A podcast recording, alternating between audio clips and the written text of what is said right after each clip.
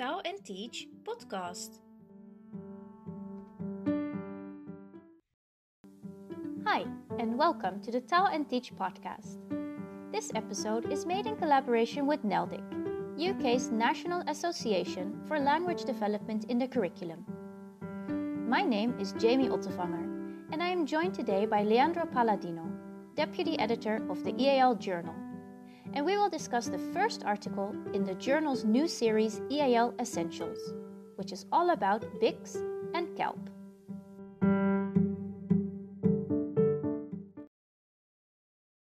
We're here. How are you? Are you at school?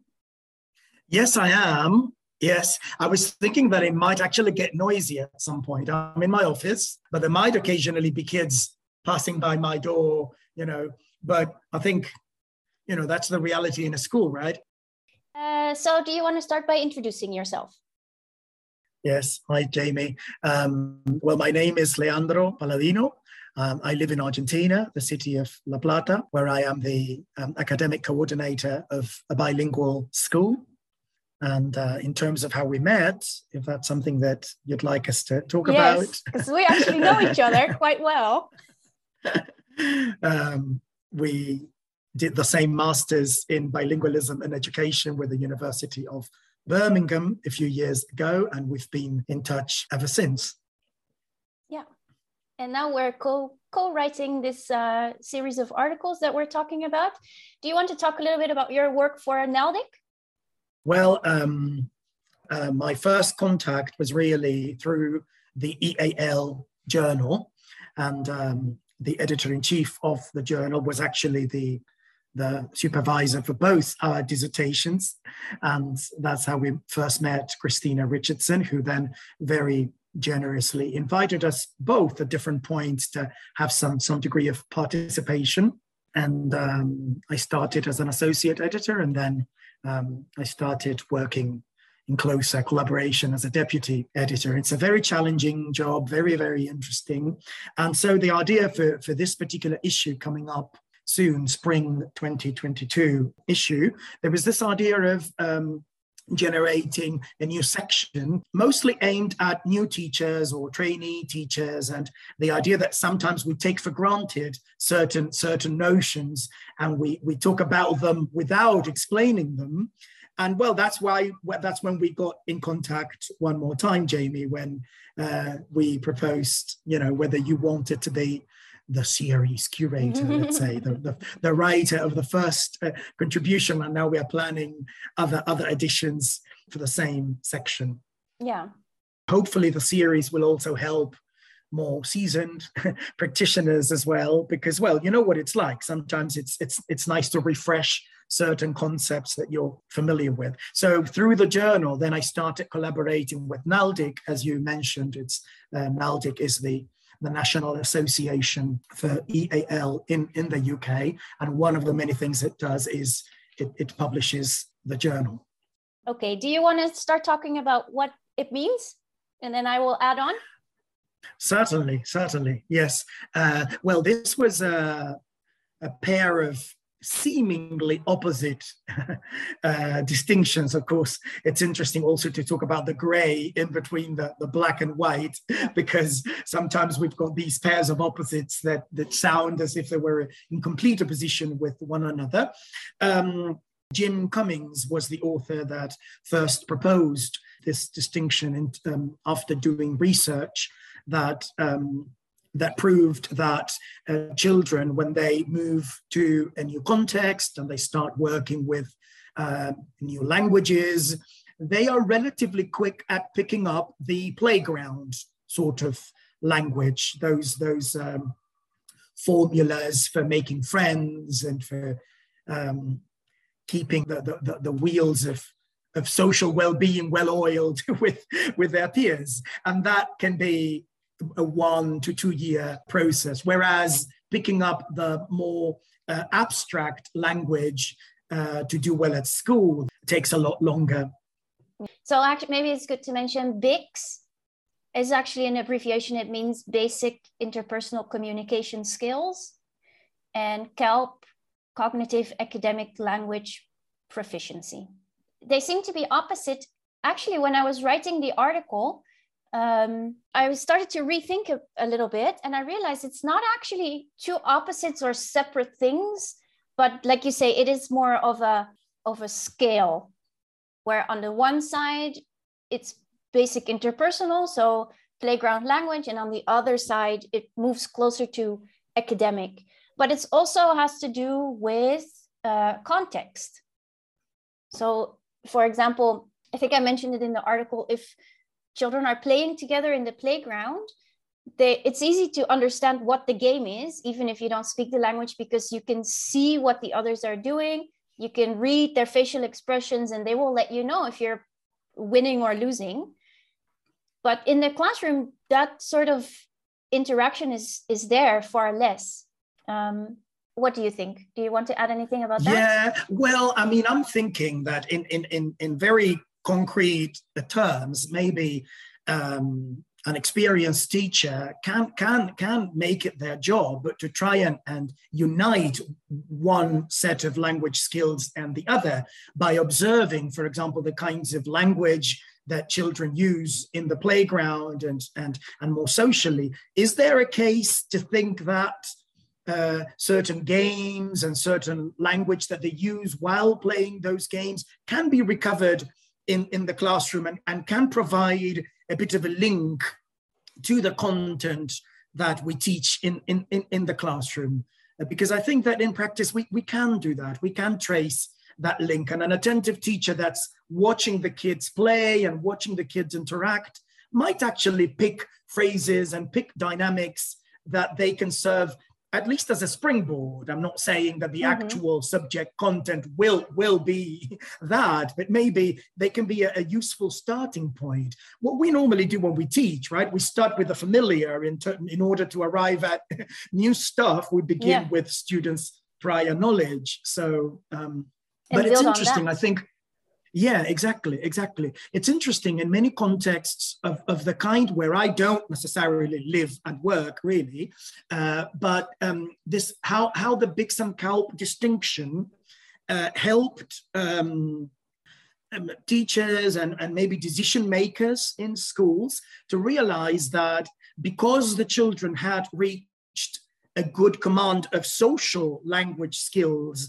that was not reason enough to interrupt whatever additional help those children were receiving in terms of language to do well at school, because that resulted in a lot of difficulty and even failure, mistaking the two sets of skills and thinking, well, you know, this, this child seems to be doing very well as far as English goes because they were interacting very well in the playground. They were, they were very successful socializing, but that didn't have an immediate correlation with those same children doing well academically speaking. That's why this idea that the, the CALP skills might develop in as long as seven years is, is reason to, to keep working on those um, language areas, even when the children seem really very, very comfortable socializing with their peers. Yeah, I think that's the main takeaway. When I first heard of this theory, that was the main eye opener for me because at the time I worked in an international school, and we did have, of course, EAL support for the children. And um, I think in general, international schools are quite good at supporting their EAL learners because they are so familiar with their with what needs to be done and with the theories. But I and I think a lot of um, beginning teachers with me made the mistake of thinking, oh, look at Johnny chatting away at the playground at his friends. I can pull him out of the EAL support because he's fine. And he's right. not, because he's got right. social skills, social language. But when it comes to specific uh, terms, for example, in mathematics or in subject areas, those sorts of skills aren't there yet. So that's, I think that's the main takeaway. Just because you hear kids chatting in the playground, seemingly fluently, doesn't mean they don't need language support. Yeah, yeah. And I think it was very interesting what you said about context and the, and the way that you described it in the article. This idea that um, uh, uh context embedded and context reduced uh, kind of language. And maybe is there a case to suggest that, that teachers can make the abstract, even should make the rather abstract language of CALP, of the cognitive language, more context embedded. That is, can they maybe not use the language, not so much in abstraction, but always think of visual um, accompaniments to the, to the discourse, uh, maybe cues that, between inverted commas, in native speakers of, of, of English might not need, but that might be good help for those that are learning English as an additional language. Yeah, yeah, definitely. I think I describe it in the article too that we need to understand the importance of context and then use it to our advantage. So, for example, um, I work in primary. So, the children I work with are quite young. I'm not sure if the examples we're about to give are relevant to maybe older students or secondary. But what I always like to do is start with something practical, something they can touch and move and see what's happening. So, for example, in um, a unit of, of work we did for literacy, it was about uh, writing instructions. And uh, before we even started writing, we did stuff. So we made smoothies and we made a salad and we did and we made a sandwich. So the children know what to do. And then the first step is very practical, so very context embedded. Because even if they didn't speak a word of English, they could make the sandwich, they could make the smoothie. The next step is then with pictures and sentences, put that in order. And then they, they knew, ah, okay, so first I cut the banana, then I peeled whatever. Then the next step, the next step. And then finally, you take them to the academic side of things where you tell them, okay, so instructions look like this. You need to have how to, you need to have a list of ingredients, you need to have step by step. So I think that's an example of how you can make something that is supposed to be academic. Writing instructions is a, quite an academic uh, skill. But if you start it within a context and you take them along the scale we just mentioned from uh, context embedded to context reduced, you can bring the children, even if they have very little language, to do uh, quite good quality writing. Yeah, yeah. You made me think about the context, the, the concept of patterns, right? Because many things in life are about are about patterns, are about sequences that we follow more or less repeatedly. So maybe activating the students' prior knowledge is what we should do with every, that's something we should do with every student, right? But it makes to think that we should do it even more with those students whose, whose language may be still in, in development. So activating that prior knowledge in terms of sequences of events that exceed any particular language, the, the, the sequences follow that same pattern regardless of which language you use to talk about those steps. So that, that really gives students a lot of, a lot of confidence and possibly the mother tongue speakers as well who might not be so good at writing because again it mm-hmm. might be your own first language, but you may not be so good at, at, at writing. So um,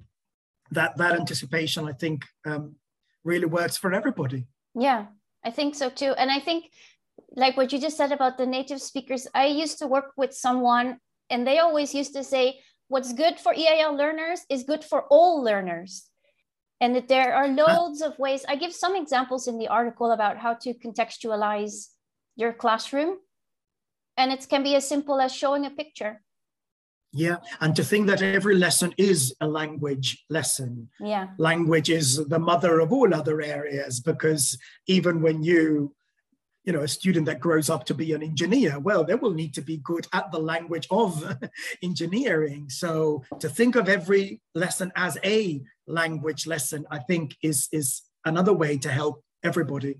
Yeah exactly. Because then I mean, with the technology nowadays and most classrooms having iPads or Chromebooks or at least a smart board, showing a picture is easy. You can just quickly Google whatever you need during your lesson. But to really support your learners in developing their academic language, yeah, it needs to be planned. And I think my go to favorite book for thinking about planning for EAL learners is Gibbons Yes, scaffolding language, scaffolding learning. Teaching second language learners in the mainstream classroom. It's interesting, like you say, you know, you, you read about everything that Gibbons, in this case, for example, recommends in the book, and you say, well, this makes sense for every learner.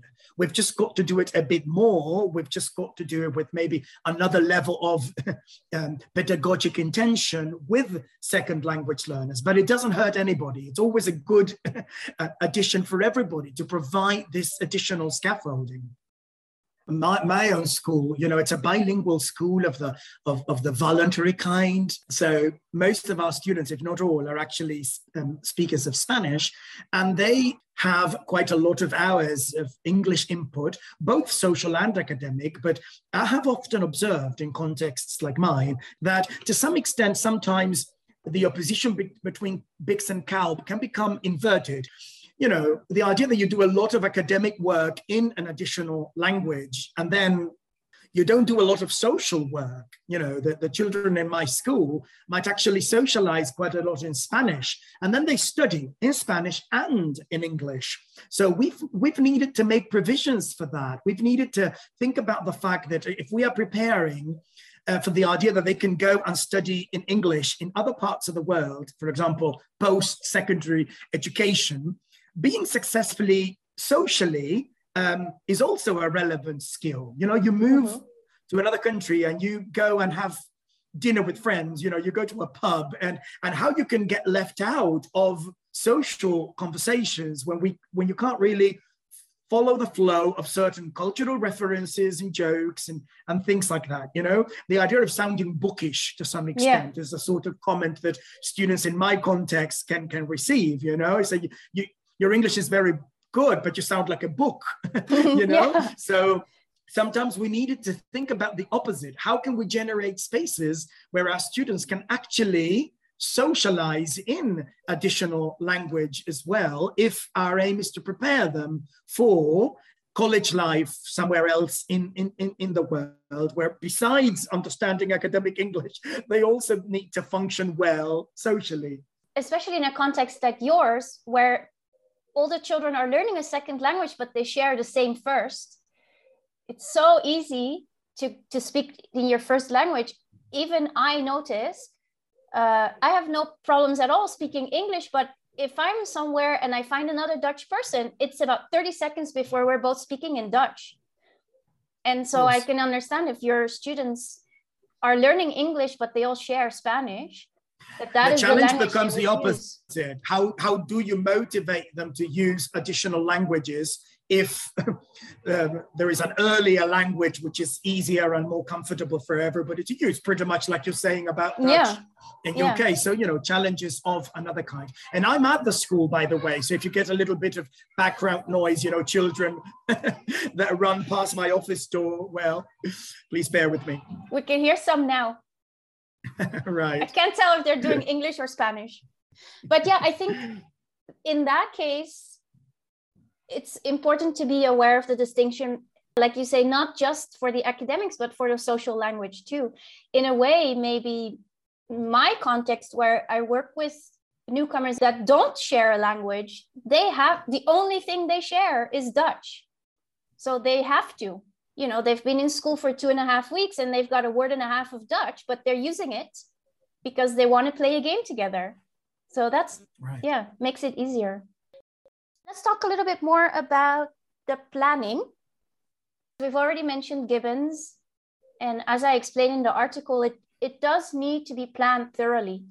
Do you want to talk yeah. a little bit about your school? What does the planning look like well, something that I thought that I, I could I could mention, and then and then you can you can talk about some of the stuff you wrote, which I think is so interesting. And also, Jamie, as I, as I, as I told you in, in private, how you've managed to kind of weave your way from BICS and CALP onto um, other topics such as group work and pair work, and then arrive at the work of Stephen Krashen. And well, I'm, I'm, I'm looking forward to hearing um, some of your uh, comments on that. But you know what I what I what I, I was thinking, translanguaging, which as you know is is is an area that that I've worked on um, quite a lot, and maybe that that'll be a, a, topic for a for a future edition of that's definitely an article, EAL.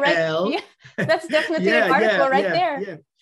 And let it be said that, you know, anybody, anybody listening to this, if you'd like to get in touch with us at NALDIC or at the EAL Journal uh, and they want to suggest maybe topics that they'd like us to, to review, then they will be more, more than glad to, to consider um, other, other options as well. But, you know, I thought of translanguaging because planning also affects translanguaging. If, if um, and that's one of the differences maybe with code switching.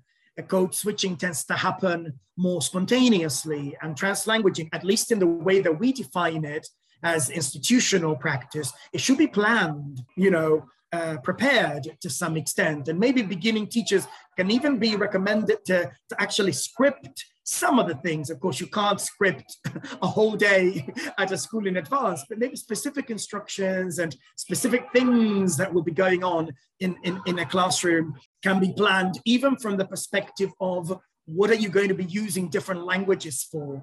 So it's really good to think about exactly when do you want to use which language.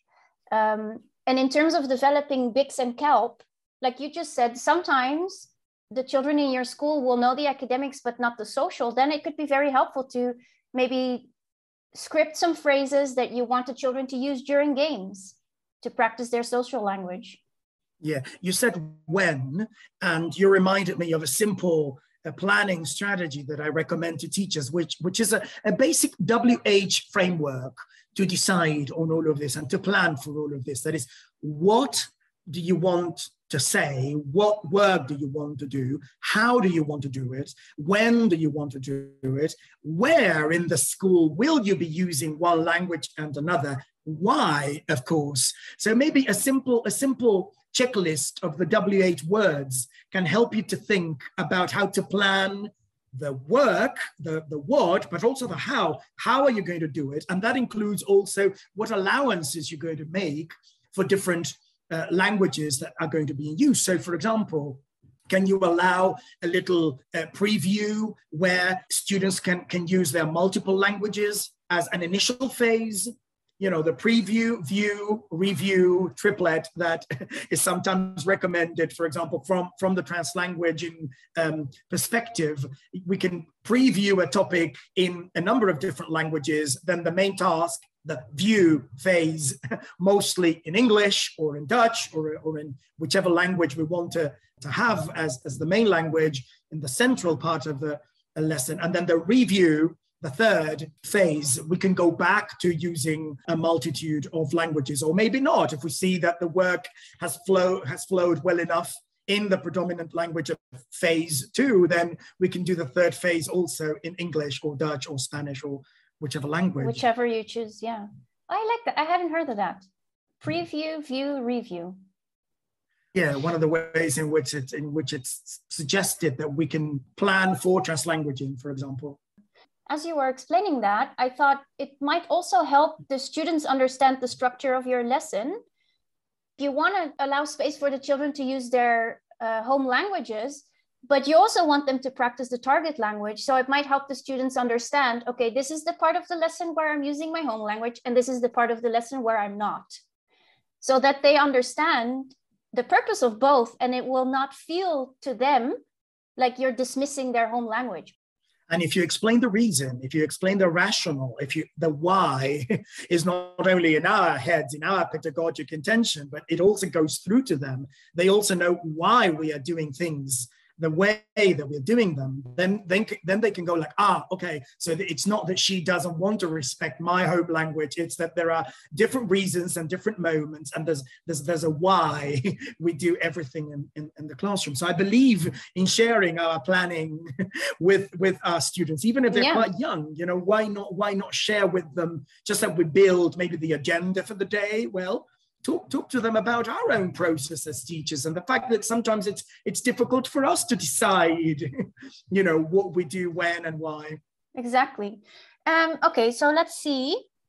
We went from planning into translanguaging i guess it's part yeah. of it uh i My think fault, sorry. No no that's okay. I think for uh planning there's some tips of for it in the article. So i would just refer people to the NALDIC Journal, and the book I can't recommend it enough. Pauline Gibbons' Scaffolding Language, Scaffolding Learning, Teaching Second Language Learners in the Mainstream Classroom, has an excellent chapter on planning. So for anybody that's new to teaching or that's experienced and wanting to refresh, have I would definitely say have a look at that book and see your planning. I think the WH questions you just mentioned, something similar is suggested in, in the book, where if you make a plan, aside from the content, you ask yourself, what do the students need to be able to say? What words, what phrases, and how will I teach them that? And how will they practice? Maybe we can talk about that. You have to not only plan for the language goals, but you have to plan times where the children can actually practice the best way to learn a language is to just use it. So maybe um, we talk a little bit about creating spaces where children practice kinds of activities that they can do to practice their language skills. Yes, certainly. That will be the where, right? To think about yeah different spaces if there are different spaces available within a school. And then maybe to develop a sort of identification between well in this particular space this is the favorite language or this is the space where we only use this particular language because it's the language that everybody understands. But then there is another space where it where it's legitimate that everybody um, uses other other languages. And you made me think about also this distinction about content obligatory and content optional language, which can be another way to plan, right? If we are teaching a math lesson or we're doing a science unit, well, which language is going to be basically so essential to the topic at hand that everybody has to know it and has to handle it. So, what do we do with that language? Maybe it deserves more attention than the content optional language, which is a bit more peripheral. It's still important it's still related to the math topic or the science project, but to some extent, it's, it's, a, it's a little bit further from the core uh, set of words and, and phrases. I think also from the perspective of language, we sometimes put a bit too much emphasis on single words and we forget about the concept of chunks um, or bundles or clusters. That is, individual words are always used in combination with other words that make up relatively frequent phrases. So if we only look at the independent individual words, we're not necessarily helping the understanding and the fluency of those students that are learning English as an additional language, because the research shows that the way that the lexicon is stored in our mind is, is more in chunks than in mm-hmm. individual words. So yeah, we can start with the individual words, but then let's see in what kinds of phrases we can put those individual words in and, and, and make our students practice those those chunks and not only the single the single words. Oh, now am I straying said... a bit too much from no, the question? I'm... you make me want to go back and edit the article. Now that you just mentioned content obligatory and content, what was it? Optional? Is it optional? I don't know the I correct said it term. and then I wondered. content compatible, I think it is content obligatory and content compatible. I think. Yeah. So language, words, language, phrases, the children have to know to be able to understand the topic. And compatible, what would be nice to add, but they can actually do without. I didn't never mention that in the article, but it is good to think about it. When you plan a unit of work, for example, maths, we're doing a topic now on um, adding and subtracting. So content obligatory would be plus, minus, add, subtract. These are words you have to know that you can think of other words that you could add because it makes sense within the topic, but they don't absolutely need it. And again, the black and white, you might wonder about the gray in between. In the example that you're giving, what about the verbs to add and to subtract and, and, and to take away? Are they also obligatory if you've also got the plus and the minus? As obligatory? Are they are they compatible? So to some extent, it's also a continuum, and there can be maybe words and phrases, chunks, also that are closer to obligatory and those that are closer to compatible. And I think an important thing to remember is that this is also not the same for all the children in all the contexts. So if you're working with more advanced learners, they already know the words plus and minus, so you don't need to teach them that and other children that are total beginners, they might need less compatible language because they have their hands full with the obligatory language.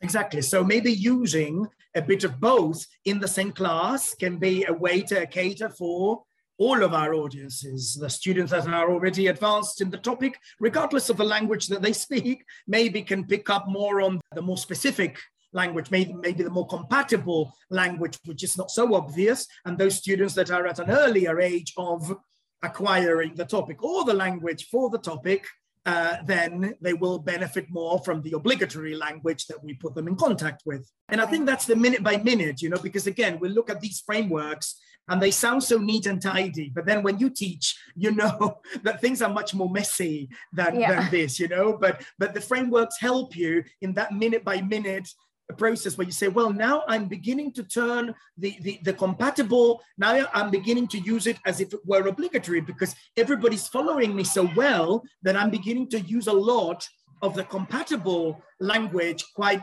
quite confidently myself because I see that every everybody feels comfortable with the obligatory language. So that I think is really the challenge, that minute by minute, the very interesting decision making process that we make day by day. And I think it's just a matter of being aware of the theories and the frameworks and then taking taking what you need from them to fit your context like you say the children in your class or just i should not say children because maybe secondary aged, whatever. But the pupils in your class will not always fit neatly into the boxes of the theories. It's always a combination of what does the theory say? What do I know my pupils need? And so what would work best? which is why I'm so glad that we're having these conversations to follow up on the articles that you're writing, right? Because starting with the article and then there's always room for problematizing those notions that look so neat and tidy.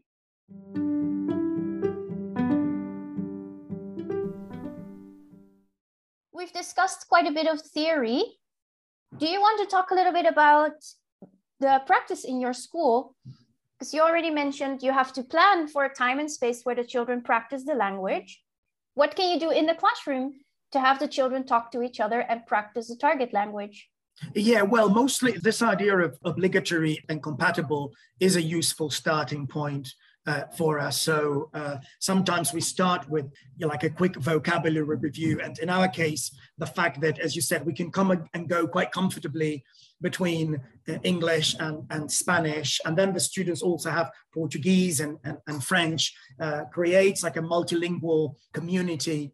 But the fact that our students uh, speak Spanish as well uh, makes it a bit easier to, to come and go. So uh, sometimes we start with that, with like the basic list of language items, and we ask our students what do you remember about these words? What associations do you make? We use visible routines uh, quite a lot, visible thinking quite a lot. So, you know, see, think, and wonder mm. uh, is, is, is, is, is an easy one to use with, with young learners, and it works across the levels and ages. You know, so what do you see?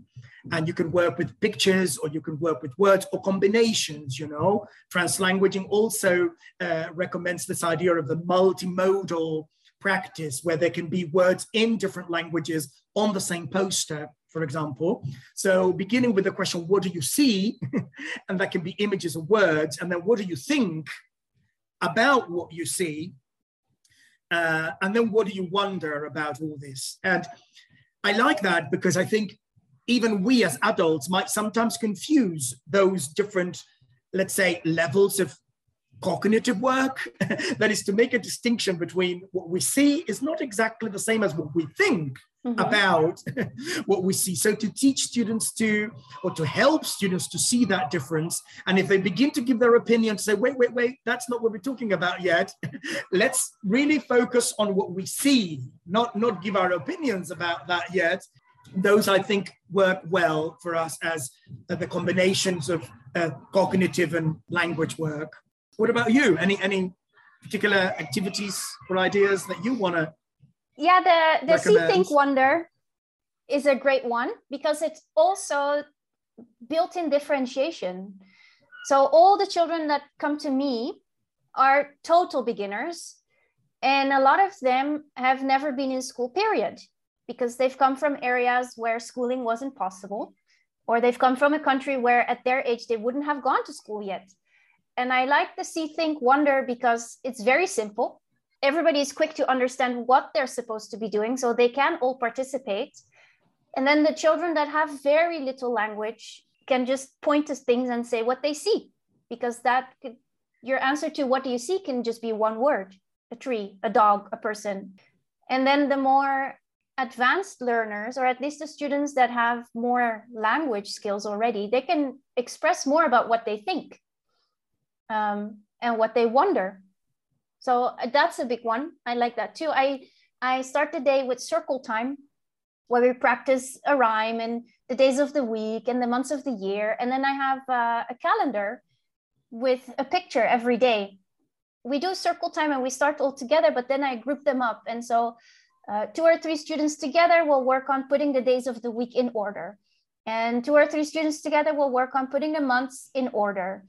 And then a few students together will work on the calendar and they need to rip off the correct number of pages to get to the day. And they need to agree on who's going to say the date and who's going to describe the picture. And usually under the picture, there's a sentence describing where the photo was taken and what it is. So that works in many ways because number one, they are practicing cooperation skills, which I noticed they had to be taught explicitly because they would just fight or yell, no, I will do that, or not talk at all. So that's important. And they discuss with each other um, the target language. So those are things I like to do. Yeah, you made me think about, I think, another topic that we're going to be covering in another article and surely talking about as well, which is uh, this idea of group work and whether we do small group work or, or large groups or pair work and, and how we manipulate those variables of, you know, who works with whom.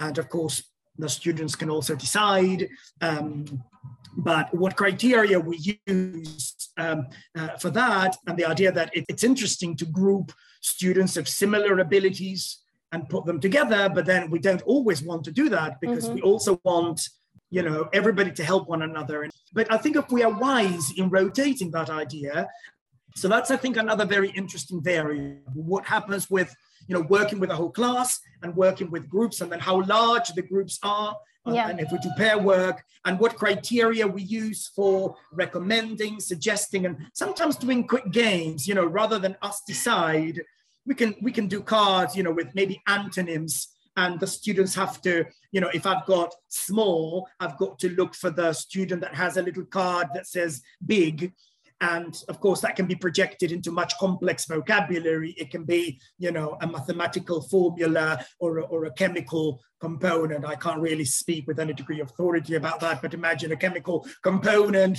and then the the, the symbol on another card. So that can be a way to pair students off in a different way because students will normally always sit with the same students. So maybe yeah. generating little little dynamics that can help them to sit differently and to work with uh, uh, different students. But that's going to be for another another article and another another conversation, right? yes, I think so because there's a lot to say about group work. I think the point is that if you want to develop your students as BICS and CALP, you need to plan for it. Like we said, there are frameworks that you can use for that, but you also need to plan for time where the students can actually have interactions and practice that. And so examples of the interactions, the card game you describe is actually, I think, one of the examples in the article. Like it works as a fun way to pair up, but it can also be an activity on its own. I've done, for example, with my students, we were working on a topic of uh, transportation, and I made cards with different modes of transport. There was a, a car, a bike, a motorcycle, and an airplane and you can use them in so many different ways because you can ask the children okay find uh, the cards that belong to you and then they can group on things that go fast or things that go slow or things that you need to power or things that go on their own things that go in the water things that go in the air. This is a, a good example of an activity because they have to talk. You cannot complete that activity without talking to each other. But yes there's so much to say about making group work with EAL learners effective. I think that's the next the next article and another episode of the podcast. Great, looking forward to that too. Do we need to talk about resources? Yeah, you've you've recommended uh, Gibbons' book, and there's really so much um, bibliography and so so many um, resources. Uh, in the article, you also mentioned Krashen and an interesting video that he's got. If you want to mention something about Krashen's work in general, which again can be another episode, or that video in particular. Well, Krashen's work, again, the right. We can fill ten episodes on Krashen's work. the main takeaway for me from Krashen's work is that the best way to learn a language is by using it in meaningful contexts. Mm-hmm. So, what we just said about creating time and opportunities for your children to practice the skills, that links to Krashen because he says this is how you learn. And I totally agree because I had, as all students in the Netherlands, in high school, I've had seven years of French and German, and I can barely order something in a restaurant but I spent a few years in Mexico and I can still speak Spanish. It's just because when you're there in the context and it has meaning and you get a lot of chances to practice, that is how you learn. He also links to what we said about the context. So earlier we spoke about how children tend to pick up social language quite quickly because they can read facial expressions and they can see what's being done during the game. And uh, Krashen also says the context is important. I'll link the video in the description of the podcast. He has a really an old but good video where he tries to teach people German. And he starts by just speaking German and you don't know what he's saying. And then at a certain point he says, "Do you think if I keep talking to you like this you're going to learn German?" No. What if I wrote it down and you had to copy it? No. And then he goes, let me try something else. And he starts speaking and pointing to body parts and making little drawings. And it becomes clear that just because he's adding context, it, you are able to understand what he says. So that is interesting. That's important. Um, I was going to add something else. Oh, yeah. The good thing about Krashen is that he has a website where he publishes all his articles for free. Yes. He's been an advocate in recent years for making publications freely available for everybody and also for, for publishing shorter, for writing shorter articles. It's, it's, it's interesting to see, apart from the topics that he writes about, you know, other positions that he takes as an academic and as a, as a scholar. Yeah. Other resources that we need to mention? Well, NALDIC is not really mostly about providing resources, but uh, the website is in renovation at the moment, so uh, we can we can invite anybody listening to visit the NALDIC website, the the EAL Journal website as well, and the blog which is being developed, which is going to be called Language Matters, which kinds of put together EAL as well as other interests in language, including modern languages and English as a foreign and, and second language, which again, sometimes they, they've got so much in common and so much to learn from one another. So that, that's, that's a blog that I would also recommend, Language Matters, for people to, to go to and, and see practical examples and uh, teachers' voices as well. And I think uh, if people want to know more about Cummins' work, uh, a lot of his work is also available free through Google Scholar. So if, if you just go to Google Scholar and you type in the search bar BICS CALP Cummins, there's a lot of information there. Did you want to add anything else? I'm trying to think of what we've discussed and what if we're forgetting anything. We've covered quite a lot, and I think anybody that reads the article and listens to us uh, will will possibly find a good complementation between the two. I hope so. I think it's not meant to be more of the same. Yeah, exactly. All right. Well, I can't think of anything else. No, me neither. Or on the other hand, so many other things that we could easily stay another couple of hours, right? I know. Yeah.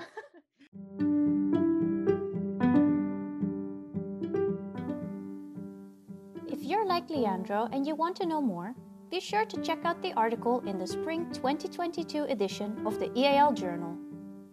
You'll find links to the resources we mentioned in the description of this episode. I thank Leandro Paladino, Deputy Editor of the EAL Journal, for his insights.